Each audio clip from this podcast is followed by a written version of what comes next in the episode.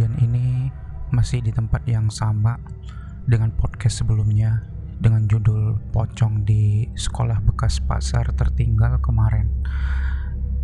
Yang kemarin itu posisinya di Kabupaten Padang Pariaman, Sumatera Barat. Tempat kejadiannya di area pesawahan di depan komplek Pasar Baru Kasang, lebih tepatnya di area pesawahan dekat pabrik Comfet pembuatan makanan unggas. Kalian bisa tulis di map lokasinya dengan keyword pabrik Comfet. Nah, di sebelahnya ada pesawahan dan lapangan kosong. Kejadian ini terjadi sekitar area tersebut. Waktu saya menjadi siswa baru di sekolah penerbangan tersebut, sebenarnya panggilan untuk siswa di sekolah tersebut adalah taruna dan taruni. Taruna untuk siswanya dan taruni untuk siswinya. Tetapi saya pakai istilah yang umum saja. Ya, mungkin seperti murid lah atau siswa Waktu saya masuk sekolah tersebut, semua murid baru wajib melakukan jurit malam. Jurit malam adalah latihan untuk mental, membentuk mental kita, dan bertahan hidup pada saat malam hari di tempat yang minim teknologi dan penerangan. Seharusnya waktu itu jurit malam dilakukan di Lanut Tabing, landasan udara. Tabing punya TNI Angkatan Udara di Kota Padang. Tapi ya seharusnya kan di Lanut Padang.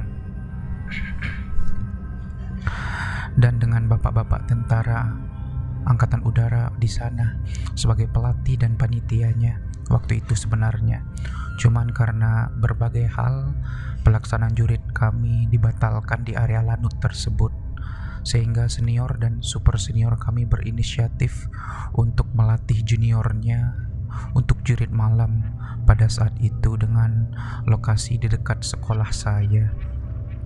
Oh iya, senior di sini adalah satu tingkat di atas saya atau angkatan kedua dan super senior itu dua tingkat di atas saya atau angkatan pertama di sekolah tersebut waktu itu. Sebetulnya saya sebagai angkatan ketiga di sekolah itu jadi seniornya angkatan kedua, super seniornya angkatan ketiga. Sederhananya begini. Singkatnya mungkin sebagai kakak kelas saja lah biar lebih mudah dipahami oleh teman-teman yang yang mendengarkan podcast ini. Seperti yang sudah saya mention sebelumnya, Jurit malam adalah latihan mental di ruangan terbuka tanpa penerangan sama sekali dan sangat sepi. Pada jurit tersebut sudah diskenario beberapa pos yang wajib untuk saya dan teman-teman yang lain lewati. Karena pada setiap pos setiap pos tersebut juga sebagai pengabsenan sekaligus supaya salah satu dari angkatan saya tidak ada yang hilang atau yang kabur karena takut melakukan jurit malam tersebut. Setiap pos dijaga oleh kakak kelas gabungan dari angkatan pertama dan angkatan kedua dan mereka juga bertindak sebagai penanggung jawab pada setiap posnya jika ada masalah dengan saya dan teman-teman yang lain seperti pingsan, kesurupan, kecelakaan, hilang, atau mungkin kabur dari kegiatan jurit malam yang diselenggarakan oleh sekolah tersebut.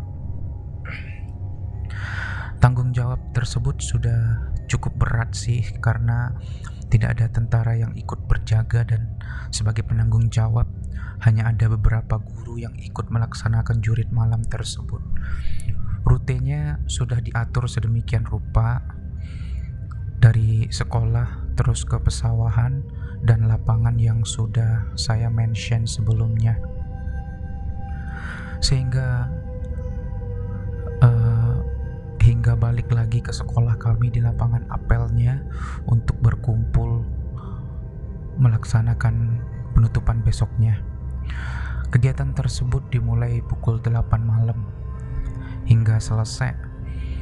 Pada saat itu selesainya pukul 4 dini hari dan setelah itu dilanjutkan dengan apel penutup bahwa telah terlaksananya kegiatan tersebut dengan aman dan lancar. Misi pada kegiatan tersebut adalah menyampaikan pesan dari pos ke pos. Pesan tersebut tidak boleh ada yang keliru, karena kalau keliru, kita mendapatkan hukuman dari senior atau kakak kelas berupa hukuman fisik seperti push up, guling, rolling, merayap, merayap punggung, dan lain-lain sebagainya. Tentu tidak boleh ada yang main pukul, tidak boleh ada yang main kekerasan di sini. Tetapi kekerasan untuk membentuk otot, membentuk tubuhnya dibolehkan seperti lari, jumping jack, dan lain-lain sebagainya. Setiap perjalanan di pos ke pos, ada beberapa senior yang menyamar menjadi hantu. Mulai dari bentuk seperti pocong, seperti sundal bolong, dan pakai topeng yang menyeramkan tidak lupa diikuti suara-suara yang mengagetkan dan di setiap pos pasti menerima latihan fisik dan hukuman kalau pertanyaan senior tidak bisa kita jawab. Sedangkan yang bersembunyi di balik pohon atau di balik selokan, padi, dan tumbuh dan tumbuhan yang ada di sekitar itu tugasnya hanya menakut-nakuti saya dan teman-teman yang lain supaya mentalnya down. Nah, mentalnya down tersebut bisa membuat mentalnya lebih kuat lagi nantinya. Itu prinsip yang yang diterapkan pada saat itu. Itu konsep dari kegiatan jurit malam yang kami lakukan pada saat itu. Teman-teman saya udah mulai duluan di pukul 9 malam itu dengan interval 30 menit hingga 1 jam untuk siswanya mulai jalan Sembari, sembari saya menunggu giliran saya yang jalan, kakak-kakak kelas yang jaga di pos star, maksudnya di pos star itu pos tempat kami berkumpul. Kami istilahkan dengan pos star pos mulai. Jadi tugasnya uh, ada sebagian menakut-nakuti kita yang sedang menunggu antrian untuk jalan, mulai dari penampakan pocong dan sundal bolong. Itu propaganda mereka waktu itu supaya kita mental kita sudah down untuk memulai kegiatan tersebut. Bahkan ada juga yang mengatakan ada suara-suara yang tidak wajar di sana. Tidak lupa juga menakut-nakuti kami dari sisi keamanan seperti harus hati-hati karena banyak babi lah, harimau lah, dan ular serta jangan sampai hilang karena kalau hilang atau kecelakaan Uh, jadi memang ditakut-takuti tersebut memang relate sekali dengan kondisinya karena memang di luar ruangan, di pesawahan, di perkebunan gelap tidak ada penerangan. Jadi ya make sense lah dengan kondisinya. Suatu ketika sekitar jam 11 malam, pos tempat saya kumpul poster tadi dapat berita bahwa ada salah satu dari teman saya yang kesurupan di sawah waktu menuju pos 4 dan berita itu langsung heboh di pos titik kumpul tersebut. Karena teman-teman saya yang lain semakin ketakutan untuk mengikuti kegiatan itu entah memang itu sengaja di skenario untuk menakut-nakuti kami entah benar-benar kejadiannya fakta benar-benar kejadiannya seperti itu saya tidak tahu kepastiannya pada saat itu. Oh iya poster itu seperti yang saya bilang tadi itu menggunakan asrama perempuan di pinggir sawah persis di belakang pabrik makanan unggas tersebut. Saya nggak tahu sekarang masih ada rumahnya atau tidak tapi itulah yang kami gunakan dulu. Akhirnya tiba giliran saya yang jalan mulainya pada pukul 12.30an malam atau setengah satu malam. Itu kurang lebih saya persisnya saya nggak ingat banget. Waktu itu saya cukup takut dengan melihat jam yang menunjukkan pukul tengah malam tersebut karena udah setengah satu. Banyaknya cerita seram dari senior-senior yang dipropagandakan oleh kakak-kakak kelas tadi pada saat itu dan adanya kejadian salah satu dari teman kami yang kesurupan sehingga ketakutan dalam pikiran saya muncul. Tapi apa boleh buat? Saya tidak bisa menghindar karena sudah bersekolah di sana dan harus mengikuti latihan yang dianjurkan oleh sekolah tersebut. Lagian teman-teman saya yang sudah mulai duluan mereka berani-berani aja kok. Walaupun saya yakin mereka merasakan hal yang sama dengan yang saya alami, yaitu ketakutan. Singkat cerita, saya mulai perjalanan dengan membawa pesan yang harus disampaikan ke pos terakhir. Pesannya cukup membuat saya semakin takut karena pesannya itu berupa kalimat yang di dalamnya ada unsur menyeramkan seperti potong kepala, ada unsur darah, patah tangan, meninggal, dan lain-lain sebagainya. Saya lupa persisnya pesan yang saya dapatkan waktu itu karena udah lama banget di 2013. Iya, 2013 sudah hampir 10 9 tahunan. Eh 8 tahunan lah kurang lebih. Yang jelas pesan yang saya bawa itu ada kalimat tidak ada kepalanya dan darah waktu itu. Itu yang saya ingat samar-samar di pikiran saya. Saya memulai perjalanan dari postar sebagai titik kumpul tersebut. Perjalanan masih lancar dan rasa takut saya masih kecil karena baru mulai dan masih ada penerangan serta suara teman-teman saya masih terdengar. Ya memang jaraknya dekat. Akhirnya saya sampai pada pos 1. Jarak dari pos 1 ke titik kumpul titik start tersebut mungkin sekitar 300 meteran lah kurang lebih eh 3 ya 300 meteran kurang lebih mungkin. 300 sampai 500 meter jadi masih kelihatan lah pakai mata. It, itu pun nilainya kurang lebih. Persisnya saya juga nggak tahu karena nggak bawa meteran waktu itu. Ngapain bawa meteran? Kan ini lagi jurit malam. Dan kebetulan medannya masih di pematang sawah waktu itu pos satu itu. Jadi masih mudah lah pada pos 1 itu saya harus menyampaikan pesan yang saya bawa ke kakak kelas yang jaga di pos itu. Pesan yang saya bawa komplit dan laporannya pun komplit dengan tata cara kemiliteran. Siap, gerak, lapor.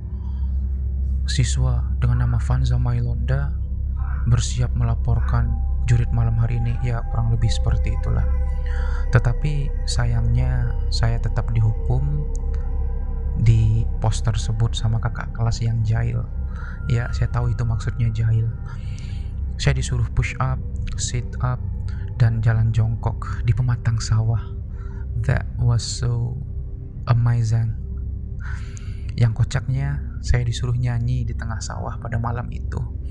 Jadi itu pertama kalinya saya nyanyi di tempat yang gelap, di tengah-tengah pesawahan, dan di malam hari. It's crazy. Waktu itu saya menyanyikan lagu slow rock Malaysia. Kalau nggak salah lagunya itu seperti lagu lagu Malaysia. Iya, vibesnya itu kayak lagu-lagu Nicky Ardila gitu kan, slow rocknya. Menggigil tubuh ini melihat kau bersamanya. Nah, itu salah satu yang saya nyanyikan waktu itu. Itu judulnya New Boys. Braung. Lagu jadul 90-an. Lagu slow rock. Oke, kita lanjut. Saya lanjut menuju pos berikutnya. Masih di jalan pesawahan sama seperti menuju ke pos 1 tadi.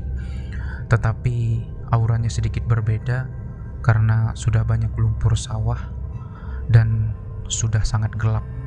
Oh iya, pada saat itu kita dilarang bawa penerangan sama sekali. Jadi acuan untuk rute kami hanya tali atau tanda panah yang ditempel di padi, di tanah, gedung, atau pepohonan. Di tengah perjalanan, saya melihat ada yang bergerak di dalam padi tersebut karena kan masih jalan masih di sawah. Ada yang bergerak di dalam padi. Dan saya sudah curiga kalau itu pasti kakak kelas yang bersembunyi untuk menakut-nakuti saya. Karena saya sudah percaya diri saya tetap santai berjalan dan ternyata benar. Itu kakak kelas yang mencoba untuk mengagetkan saya di perjalanan. Tapi sayang sayang sekali saya tidak kaget sama sekali apalagi takut malahan ketawa. Hahaha singkat cerita saya sampai pada pos tujuan saya. Seperti biasa saya ditagih pesan yang saya bawa dan diinterogasi dengan beberapa pertanyaan dan pernyataan, mulai dari pertanyaan pribadi, pernyataan pribadi, dan umum yang berhubungan dengan jurid malam atau sekolah. Tetap saya mendapatkan hukuman fisik di sana sama seperti pos sebelumnya. Hukuman fisik di sini digaris bawahi, tidak ada pemukulan sama sekali, hanya berupa latihan fisik seperti push up, sit up, jalan jongkok, dan lain-lain sebagainya. Itu hukuman fisik yang saya maksud di uh, jurid malam ini. Saya lanjut ke pos berikutnya. Di pos ini cukup berbeda karena medannya cukup berat, bukan pesawahan lagi tetapi sudah berupa jalan biasa yang tidak ada penerangan sama sekali. Apalagi manusia, tidak akan mungkin ada kecuali kakak kelas saya yang bersembunyi sembari bertugas di sana. Pada pos tersebut, saya dapat perlakuan yang sama dengan pos sebelumnya. Tetapi yang anehnya, di pos tersebut dari kejauhan seolah-olah ada yang memperhatikan saya. Objek tersebut tidak ada pergerakan sama sekali, diam seperti patung. Saya cukup takut pada saat itu, tetapi pikiran saya saya alihkan bah bahwa yang lihat itu adalah kakak kelas saya yang jaga di sana. Itu positive thinking saya supaya saya tidak takut pada saat itu. Walaupun cukup sulit menerimanya karena wujud tersebut memakai baju putih. Setahu saya dari kakak kelas tidak ada yang pakai seragam putih-putih seperti itu. Kakak kelas saya mengalihkan perhatian saya dengan menghukum saya waktu itu berupa push up dan rangkaian model hukuman lainnya. Setelah saya melaksanakan hukuman tersebut dan saya lihat ke arah wujud putih yang lihat saya waktu dihukum sama kakak kelas tadi, ternyata wujud tersebut sudah hilang. Akhirnya Ketakutan masuk di dalam pikiran saya. Saya disuruh jalan sama kakak kelas untuk menuju pos berikutnya karena saya sudah ada rasa takut tiba-tiba di perjalanan saya dikagetkan dengan wujud yang saya lihat tadi di pos sebelumnya. Wah, ternyata benar itu hantunya. Tetapi itu kakak kelas saya yang menyamar jadi hantu dan kakak kelas saya tersebut ngakak ngakak di tempat seketika, mungkin melihat ekspresi kaget saya waktu itu. Saya lupa bahwa ada beberapa dari kakak kelas yang menyamar jadi hantu dan itu sudah ditugaskan oleh pembina untuk menakut-nakuti kami pada saat itu. Dan bodohnya kok bisa saya lupa gitu loh. Akhirnya saya takut waktu itu. Tapi sudah karena mereka berhasil menakut-nakuti saya, Akhirnya saya diperintahkan untuk melanjutkan perjalanan pada pos berikutnya. Pada pos tersebut cukup unik. Medannya berupa selokan besar, got, got besar. Tetapi pada saat itu saya tidak mengetahui kalau di area pos tersebut ada selokan besar. Dengan gagahnya saya berjalan dan langsung terjun dengan gaya. terjun dengan gaya tentu keselokan besar tersebut seakan-akan saya masuk perangkap. Emang cukup ngakak waktu itu karena kita tidak melihat selokannya. Tiba-tiba kita udah bam jatuh. Karena gelap kita nggak ngeliat god di situ. Udah gelap mencekam jadi kita nggak ngeliat god sama sekali di sana. Akhirnya kita kecemplung dah. Pada saat saya kecemplung semua kakak kelas saya yang jaga di sana ketawa dan ngakak karena sepertinya goals mereka ya itu dan mereka mendapatkannya. Alhasil saya pun kecemplung. Ya walaupun ada kakak kelas yang juga ikut kecemplung karena dia tidak sadar kalau di sana ada god. Tapi it's okay. Emang goals mereka itu berharap ada yang masuk perangkap mereka membuat peserta jurid malam kecemplung di selokan tersebut itu goalsnya. Saya cukup takut di selokan tersebut karena cukup dalam dan banyak air. Saya takut bukan karena takut ada hantunya, tetapi takut ada binatang yang bisa yang berbisa atau bertaring menggigit saya di sana. Di pos ini saya tidak melihat dan merasakan aura negatif sama sekali dan di pos ini juga mendapatkan perlakuan yang sama yaitu interogasi dan hukuman. Setelah itu, saya disuruh lanjut ke pos berikutnya. Pos ini cukup beda, suasananya sangat hening dan tenang. Saya tidak mendengar suara apa pun kecuali suara gesekan tumbuhan, jangkrik, dan kodok. Sesekali suara anjing yang menggaum. Wow,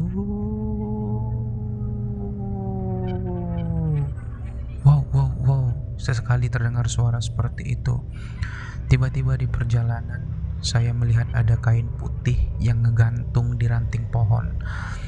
Saya semakin takut waktu itu dan melihat untuk tidak dan memilih untuk tidak melihat yang menggantung tersebut dan saya berusaha untuk berpikir positif supaya saya tidak larut dengan ketakutan yang berlebihan karena perjalanan masih lumayan panjang saya melanjutkan perjalanan tiba-tiba ada yang terbang seperti anak pocong karena ukurannya kecil saya refleks dan saya tangkaplah pocong tersebut karena memang jatuhnya tepat di tangan saya.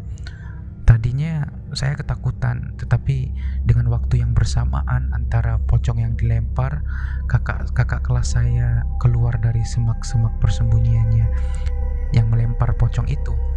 Yang tadinya saya takut menjadi tidak takut lagi karena anak pocong ini buatan mereka. Setelah itu tetap hal yang sama saya dapatkan di pos tersebut seperti interogasi dan hukuman. Ya, hukumannya hukuman fisik ya, bukan hukuman pemukulan, bukan seperti untuk melatih fisik aja. Singkat cerita, akhirnya sampai pada pos terakhir. Perjalanan saya cukup menyenangkan. Takut sih, tapi tidak ada hantu real yang saya temukan pada saat itu. Mungkin itu akibat sugesti berpikir positif sehingga hantu pun enggan mengganggu saya waktu itu. Tetapi cerita dari teman-teman saya bahwa ada beberapa dari mereka melihat hantu saat jurit malam tersebut serta senior saya yang jaga pada setiap pos juga banyak diganggu oleh makhluk goib itu. Bahkan rumor yang mengatakan ada ada kesurupan pada saat itu terdengar lagi. Katanya benar-benar ada yang kesurupan waktu itu. Oh my god. Ini cerita yang beredar setelah melaksanakan jurit malam tersebut. Entah berita itu benar atau tidak, saya tidak tahu. Yang jelas perjalanan saya cukup aman dan tidak ada gangguan sedikit pun. Memang egois sih, namun ya bisa apa coba. Nyelamatin untuk masing-masing aja dulu. Sekian podcast hari ini. Semoga kalian terhibur dengan cerita horor singkat ini. Nantikan episode berikutnya dan jangan sampai ketinggalan follow podcast opsi, opini dan asumsi ini untuk mendapatkan cerita terupdate dan jangan lupa juga follow sosial mediaku serta support channel YouTubeku. Link sudah saya tautkan di Anchor Apps dan di comment sections di description section maksudnya pada setiap podcast yang saya upload. Semoga kalian yang mendengarkan podcast ini selalu diberikan kesehatan di dunia dan di akhirat. Amin ya rabbal alamin. Terima kasih banyak sahabat-sahabat podcast hari ini. Sampai jumpa di podcast berikutnya. Bye.